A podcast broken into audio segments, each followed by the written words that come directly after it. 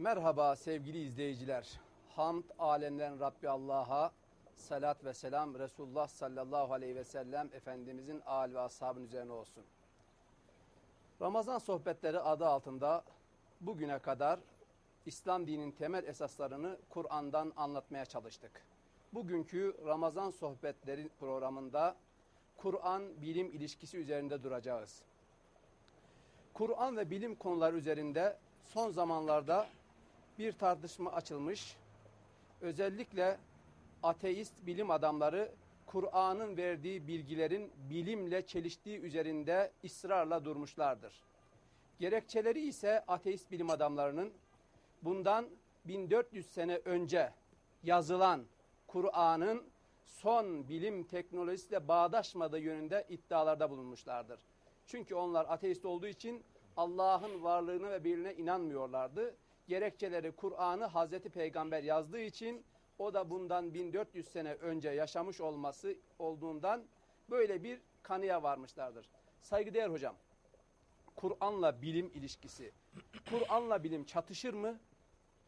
Çatışmıyorsa Kur'an'dan bununla ilgili örnekler var mı? Evet. Ben de sevgili kardeşlerime hayırlı, feyizli, bereketli Ramazanlar diliyorum. Kur'an-ı Kerim'den ve onun evrensel ilkelerinden söz etmeye çalıştığımız bu Ramazan sohbetleri programımızda sona yaklaştığımız şu günlerde Kur'an-ı Kerim'in Müslümanlar tarafından da özellikle sadece bir ibadet kitabı gibi algılanması yanlışlığını düzeltme vesilesi oluşturacağı için bu programı çok önemsediğimi ifade etmek istiyorum. Kur'an-ı Kerim zannedildiği gibi sadece okunsun ve sevap kazanılsın diye gönderilmiş bir kitap değildir. Eğer öyle olsaydı Kur'an-ı Kerim'in indirilişi 22 sene civarında sürmezdi. Ve Kur'an-ı Kerim'in ayet sayısı da 6236 filan olmazdı. Daha kısa sürede daha az sayıda ayetle, sureyle şekillendirilmiş olurdu. Bunun hatim yapılması da kolay olurdu. Daha fazla sevap elde edilmesi de mümkün olurdu. Şimdi Kur'an-ı Kerim çok önemli bir farklılığa sahip bir kitaptır. Tevrat'tan da, İncil'den de, Zabur'dan da diğer suhuf dediğimiz peygamberlere gönderilen sah sah sahifelerden de çok temel bir takım farklılıklar sahibidir Kur'an-ı Kerim. Bu farklılıklar üzerinde teker teker durmak da aslında zaman alacaktır ama çok temel bir farklılığı söyleyerek sorunuzu cevaplandırmaya gayret edeyim.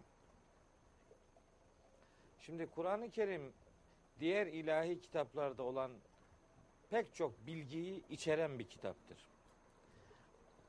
Ana metin ve ana mesaj olarak Kur'an-ı Kerim önceki ilahi kitapların mesajlarına sahip olduğu gibi bu mesajlar ana ilkeler olarak önceki ilahi kitaplarda da vardı. Mesela ne vardı? Bundan önceki programlarda ifadeye gayret etmiştim. Mesela 10 emir diye bildiğimiz 10 ilke Kur'an-ı Kerim'de olduğu gibi Tevrat'ta da hemen hemen tamamen aynı şekilde var.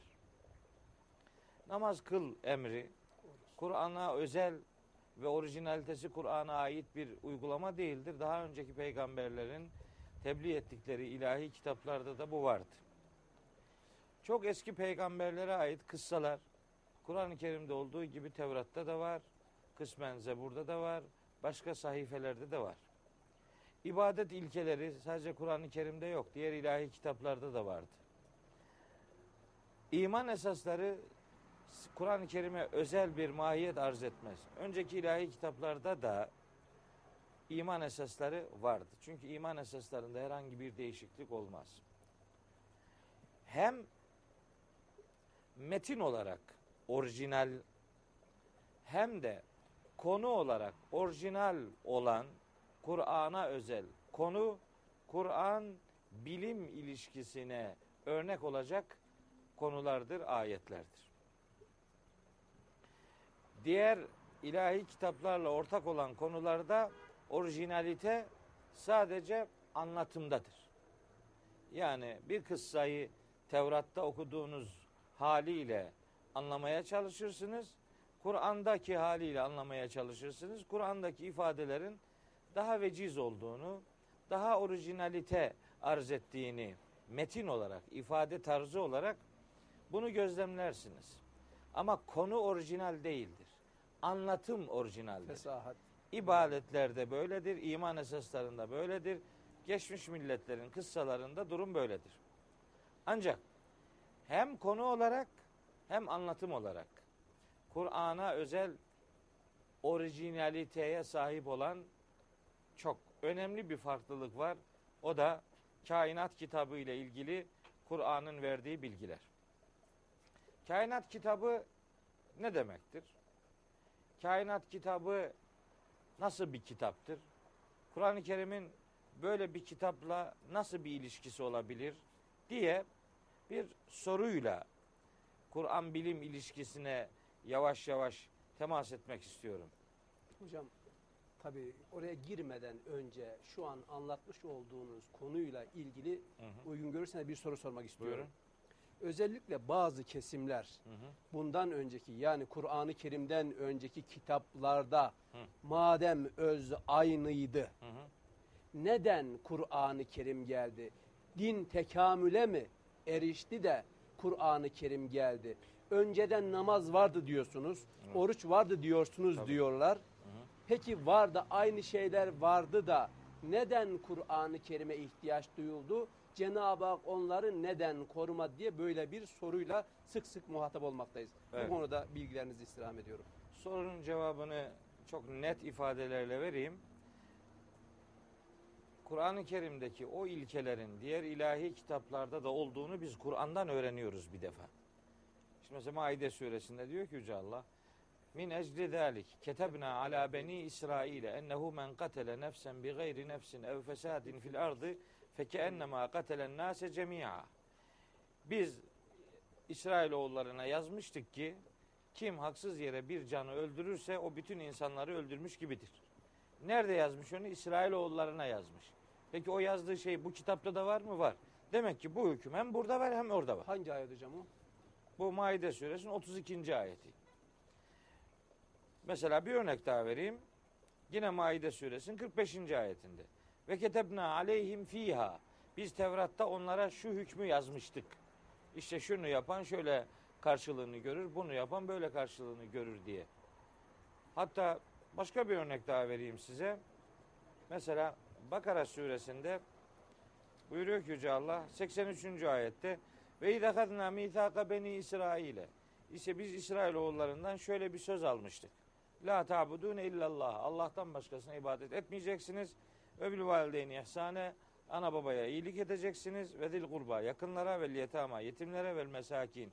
Yoksullara iyilik edeceksiniz. Ve kulu linnâsi husnen. İnsanlara güzel söz söyleyeceksiniz. Ve akimus salate. Namazı kılacaksınız. Ve atüz zekate. Zekatı vereceksiniz. Nerede bu sözü aldı Allahu Teala? Kimden aldı? İsrailoğullarından. Nerede yazılı bu? Bu Tevrat'ın orijinal halinde vardı bu. Tevrat'ın orijinal halinde vardı. Bugünkünde olmaması bizim sözümüzü açığa çıkartmaz. Orijinalinde vardı. Biraz daha biraz daha net bir örnek vereyim.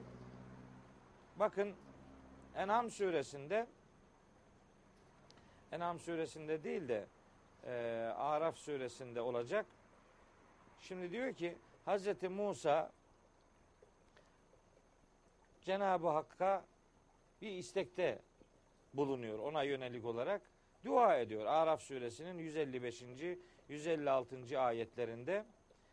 Ellezine yettebi'ûne rasûlen nebiyyel ümmiyye işte onlar o Hazreti Musa'nın övgüsüne layık olan insanlar ümmi bir nebi Resul'e uyarlar ki ellezî yecidûnehu mektuben indehum fit tevrati vel incili.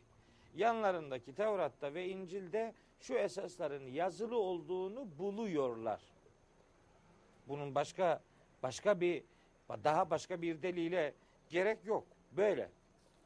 Fetih suresinin işte 29. ayeti. Hazreti Peygamber'in ve onunla beraber olan müminlerin özelliklerini anlatıyor. Muhammedun Resulullah vellezine ma'hu eşiddâhu alel küffâri ruhamâhu beynehum terâhum rükân anlatıyor anlatıyor ondan sonra diyor ki zâlike meseluhum fit tevrat işte onların örneği Tevrat'ta buydu. Tevrat'ta böyle anlatmıştık bunları. Ve meseluhum fil İncil. İncil'deki örnekleri de şöyledir. Bakın Kur'an-ı Kerim bu ayetlerin orijinal olarak Tevrat'ta ve İncil'de de bulunduğunu söylüyor. Bugün elimizdeki mevcut ve Tevrat ve İncil'de bulunmamaları ilahi kitaplar arasında bir çelişki olduğunu göstermez. Peki onlarda var idiyse bunda niye var? Var niye çünkü var çünkü Allah'ın dini değişiklik arz etmez. Dinin içerisinde sadece hukuki düzenlemelerde değişiklikler olur. Ka insan e, insanların arasında. gelişimi bilimsel veya sosyolojik değişikliklere uygun olarak hukuki düzenlemelerde zaman zaman şartlara göre değişiklikler olabilir. Bundan daha doğal hiçbir şey olamaz. Memleketlerin anayasaları da peyderpey değiştirilir. Niye? Yasalar değiştirilir, yönetmelikler değiştirilir. Çünkü yeni ihtiyaçlar yeni yasaları, yeni yönetmelikleri gerektirir. Onun için değişiklikler kaçınılmaz olur. Fakat işin özü değişmez. İşin özünde oynama olmaz. Dinlerin özünde hiçbir oynama, hiçbir şekilde oynama yoktur. Ama biri diğerinin motamot aynısı da değildir. Çünkü gelişmeler, ihtiyaçlar yeni esasların da kitapta bulunmasını zorunlu kılmıştır. Bu itibarla o dinlerin mensupları kendi dinlerine yeterince sadakatle sarılmadıkları ve ilahi kitaplarına yeterince sahip çıkmadıkları için o kitaplarda çeşitli bozulmalar meydana gelmiş. Her bozulan kitaptan sonra aynı mesajın yer aldığı yeni kitap Cenab-ı Hak tarafından yeni bir peygamberle gönderilmiştir. İnsanlar gelişim sağladıkları için o yeni gelen kitapta öncekinle mantığı ve ana ilkeleri çelişmemek üzere bir takım yeni ilkelerde, yeni ilavelerde yapılmıştır. Mesela Tevrat'la Kur'an motomot aynı değildir. Niye? E Tevrat'ta Hz. Musa'nın kıssası yok. Ama Kur'an'da Hz. Musa'nın kıssası var. Tevrat'ta Hz. İsa ile ilgili kıssa yok. Hz. Yahya ile Hz. Zekeriya ile ilgili kıssa yok. Niye? Tevrat'tan sonra yaşadı onlar. Ama Kur'an'da onlarla ilgili bilgi var. Zaman ilerleyince kitabın muhtevasında bir takım kazanımlar artı ifadelerin bulunması kaçınılmazdır. Bu itibarla sorunuzu öyle cevaplamaya çalışmış olayım.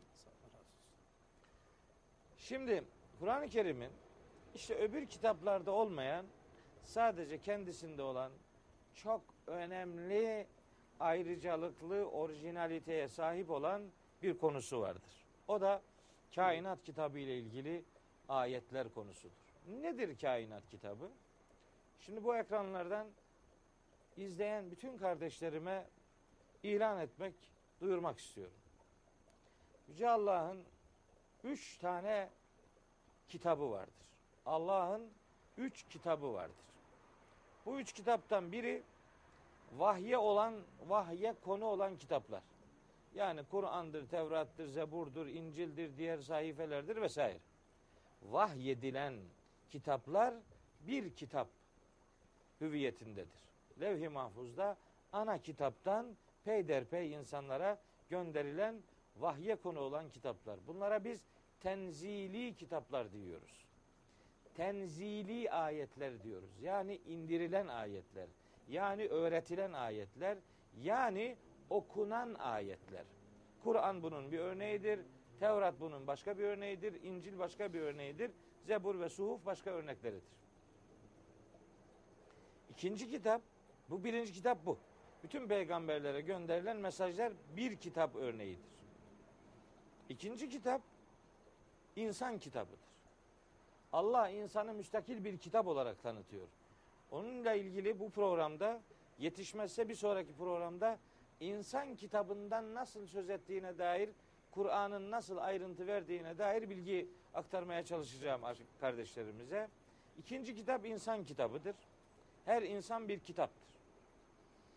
Üçüncü kitapsa kainat kitabıdır. Bütünüyle kainat kitabıdır.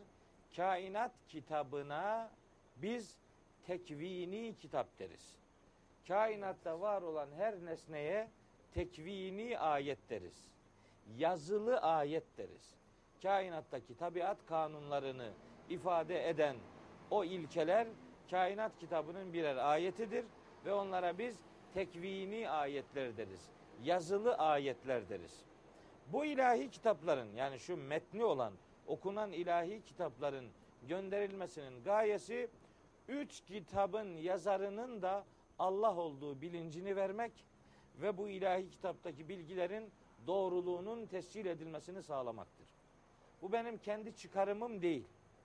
Bu Fussilet suresinin 53. ayetinin birebir tercümesidir. Şimdi o ayeti ve tercümesini aktarmak istiyorum. Yüce Allah buyuruyor ki Fussilet suresi 53. ayet. Estağfirullah.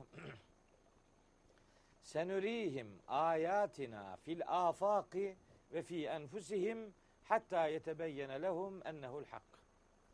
Biz onlara yakında ufuklardaki ayetlerimizi de yani dış alemdeki, tabiattaki ayetlerimizi de göstereceğiz. Ve fi enfusihim kendi nefislerindeki ayetlerimizi de göstereceğiz. Niye? Hatta yetebeyyene lehum ennehu'l hakku. Ta ki onlar için Kur'an'ın gerçek bir kitap olduğu ortaya çıksın. Kainat kitabındaki ayetlerin de, insan kitabındaki ayetlerin de gösterilmesinin gerekçesi bu kitabın gerçek olduğunun ortaya konulmasıdır. Şimdi bir ayet daha okumak istiyorum. O da Neml suresinin son ayeti. Buyuruyor ki Yüce Allah Neml suresinin son ayetinde 93. ayet olması lazım. Evet. Estağfirullah. Ve kulil hamdülillahi. De ki Allah'a hamdolsun ki seyriküm ayatihi. Allah bütün ayetlerini size gösterecektir. Feta'rifuneha. Ve siz de o ayetlerin ne olduğunu tanıyıp bileceksiniz. Bir ayet daha okuyayım. Böyle ayet deyince insanlar sadece Kur'an cümleciklerinin ayet olduğunu zannediyor. Hayır. Ayet Kur'an cümlecikleri anlamına geldiği gibi daha çok kainattaki sistemle alakalı bilgi veren hakikatlere de ayet denir. E tabi vaktimiz olsaydı ben şimdi burada Nemil suresinden, Rum suresinden onlarca ayet okurdum. Ayet kelimesinin Kur'an'daki kullanım tekniğini ifade bağlamında. Ama birkaç tane söyleyeyim onu izleyici kardeşlerimiz kavramış olacaklardır. Zariyat suresinin 20. ve 21. ayetleri, 22. ayetleri, 23. ayetleri bakın ne diyor. Buyuruyor ki Yüce Allah Estağfirullah. Ve fil ardı ayatun lil muqinin. Yeryüzünde kesin kez inanmak isteyenler için nice ayetler, mucizeler vardır. Yeryüzünde mucizeler, ayetler var. Ve fi enfusikum kendi nefislerinizde de var. Efela tubsirun. Hala görmüyor musunuz? Niye görmüyorsunuz kainatı? Niye ibret gözüyle izlemiyorsunuz? Ve fis semai rizkukum. Yükseklerde de sizin rızkınız vardır. Ve ma tuadun. Size vaat edilen azap türü felaketler de yükseklerden gelebilir. Fe ve rabbis semai vel ardı. Göğün ve Rab, yerin Rabbine yemin olsun ki innehu le hakkun. İşte bu kitap gerçek bir kitaptır. Misle ma enneküm tantıkun. Tıpkı sizin konuştuğunuz gibi bu kitap gerçekleri konuşur.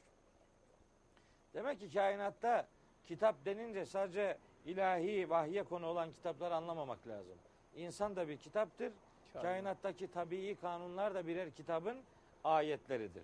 Şimdi bu iki yani meselenin iki yönüne de dikkat çekmesi bakımından burada birkaç ayet okumak istiyorum. Kaf suresinden. Yüce Allah buyuruyor ki Kur'an-ı Kerim'de Yüce Allah'ın insanlara verdiği ve kıyamete kadar süresi devam eden ev ödevleri vardır. Ev ödevleri. Bunlar insanlar tarafından araştırılacak, incelenecek, bulunmaya çalışılacaktır. Kaf suresinden ayetleri okuyacağım ama ondan önce bir ayet, bir iki ayet hatırlatmak istiyorum. Mesela Abese suresinin 24. ayeti. Felyanzuril insanu ila taamihi. İnsan yiyeceği şeylere bir baksın, bir incelesin bakalım. Yiyeceğini bir incelesin. Mesela Tarık suresinde buyuruyor ki Yüce Allah Estağfirullah 5. ayeti Felyanzuril insanu mimme hulik. İnsan neden yaratıldığına bir baksın bakalım. İnsanın nereden yaratıldığı Cenab-ı Hakk'ın insana verdiği bir ev ödevdir. Genel ilke bağlamında bilgi verdiği konular vardır. Ara ara bilgi verdiği konular vardır. Ama sistemin tamamını insanlara ev ödevi vermiştir. Bunu insanların bulmasını istiyor. Mesela Müminun suresinde buyuruyor ki Yüce Allah mesela 17. ayette ve lekad halakna fevkakum seb'a taraika biz sizin üzerinizde yedi tane yol yarattık. Nedir bu yedi yol? Bu yedi yolu insanlar keşfetmek zorundadırlar. Bunun için Kur'an-ı Kerim Müslümanların astronomi ile ilgilenmesini istiyor. İnsan yaratılışından söz eden embriyoloji bilimiyle ilgilenmelerini istiyor.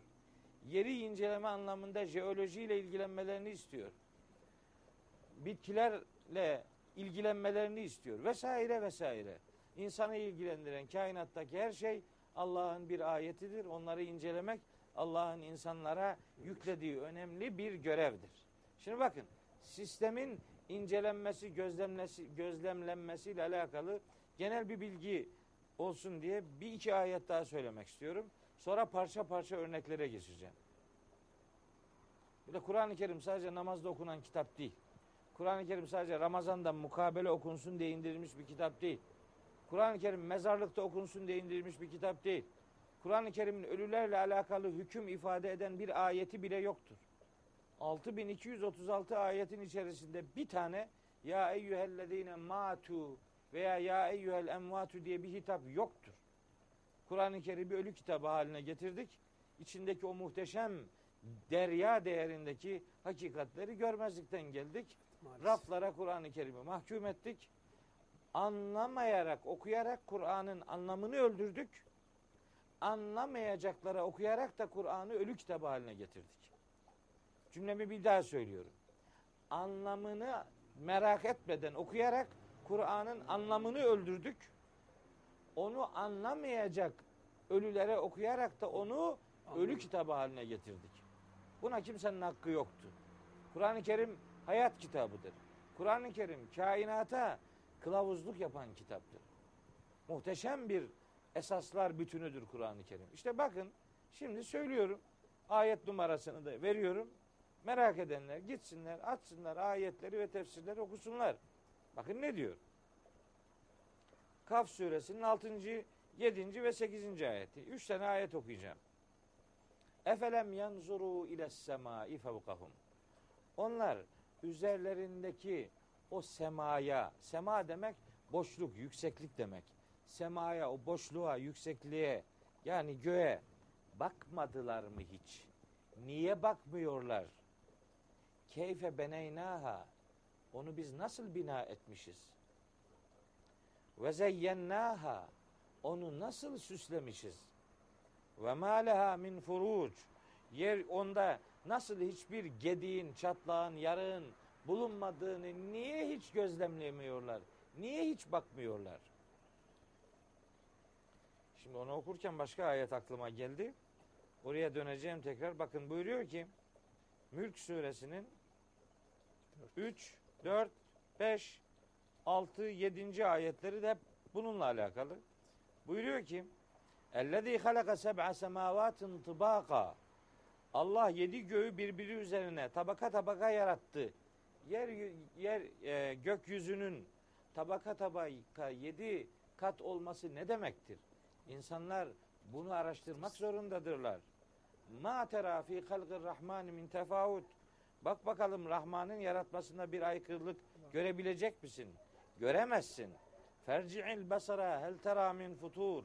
Gözünü döndür bak bir bozukluk var mı? Thummerci'il basara kerreteyni. İki kere daha. Yani iki kereden maksat defalarca incele. Yangalib ileykel basaru hasien ve huve hasir.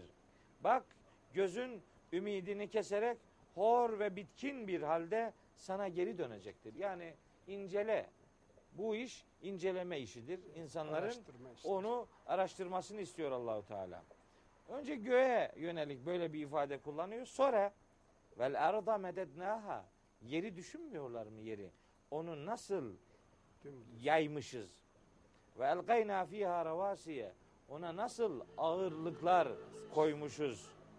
Ve embetna fiha min kulli zevcin behic.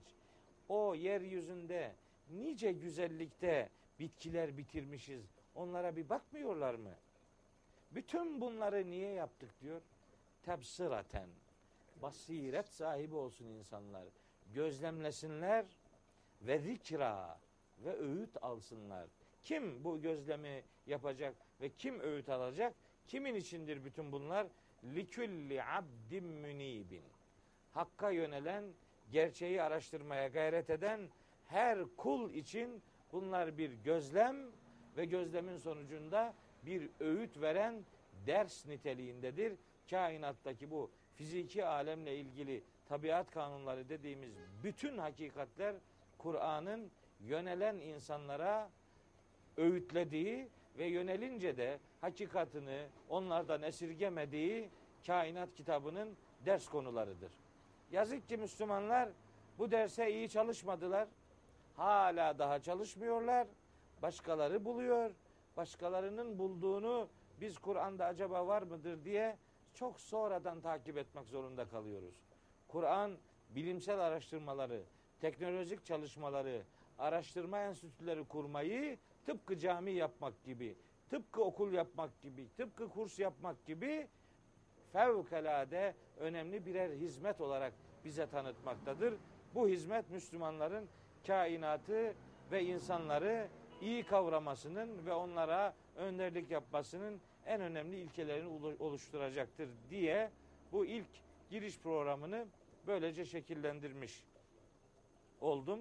Bir sonraki programda konuya dair, kainat kitabına dair başka örnekler vermeye gayret edeceğim.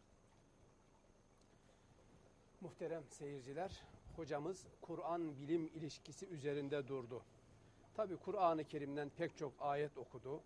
Kur'an'la bilimin çelişmediğini ancak bu tezi ileri atanların noksanlıklarının, eksikliklerinin kendilerinde olduğunu çünkü onlar Kur'an'ı Hazreti Peygamber'in yazmış olduğunu iddia ettiklerinden böyle bir kanıya vardılar. Tabi bunun karşısında Müslümanlar da sanki onların tezini çürütme adına özellikle Kur'an-ı Kerim'i bir felsefe kitabı, bir politika kitabı, bir edebiyat kitabı şeklinde yorumlayanlar da oldu. Bundan sonraki programımızda hocam buna da değineceksiniz inşallah. Hepinizi e, saygıyla selamlıyorum.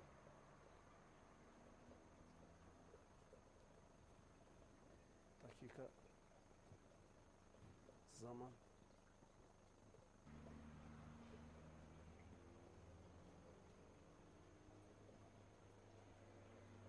Merhaba sevgili izleyiciler.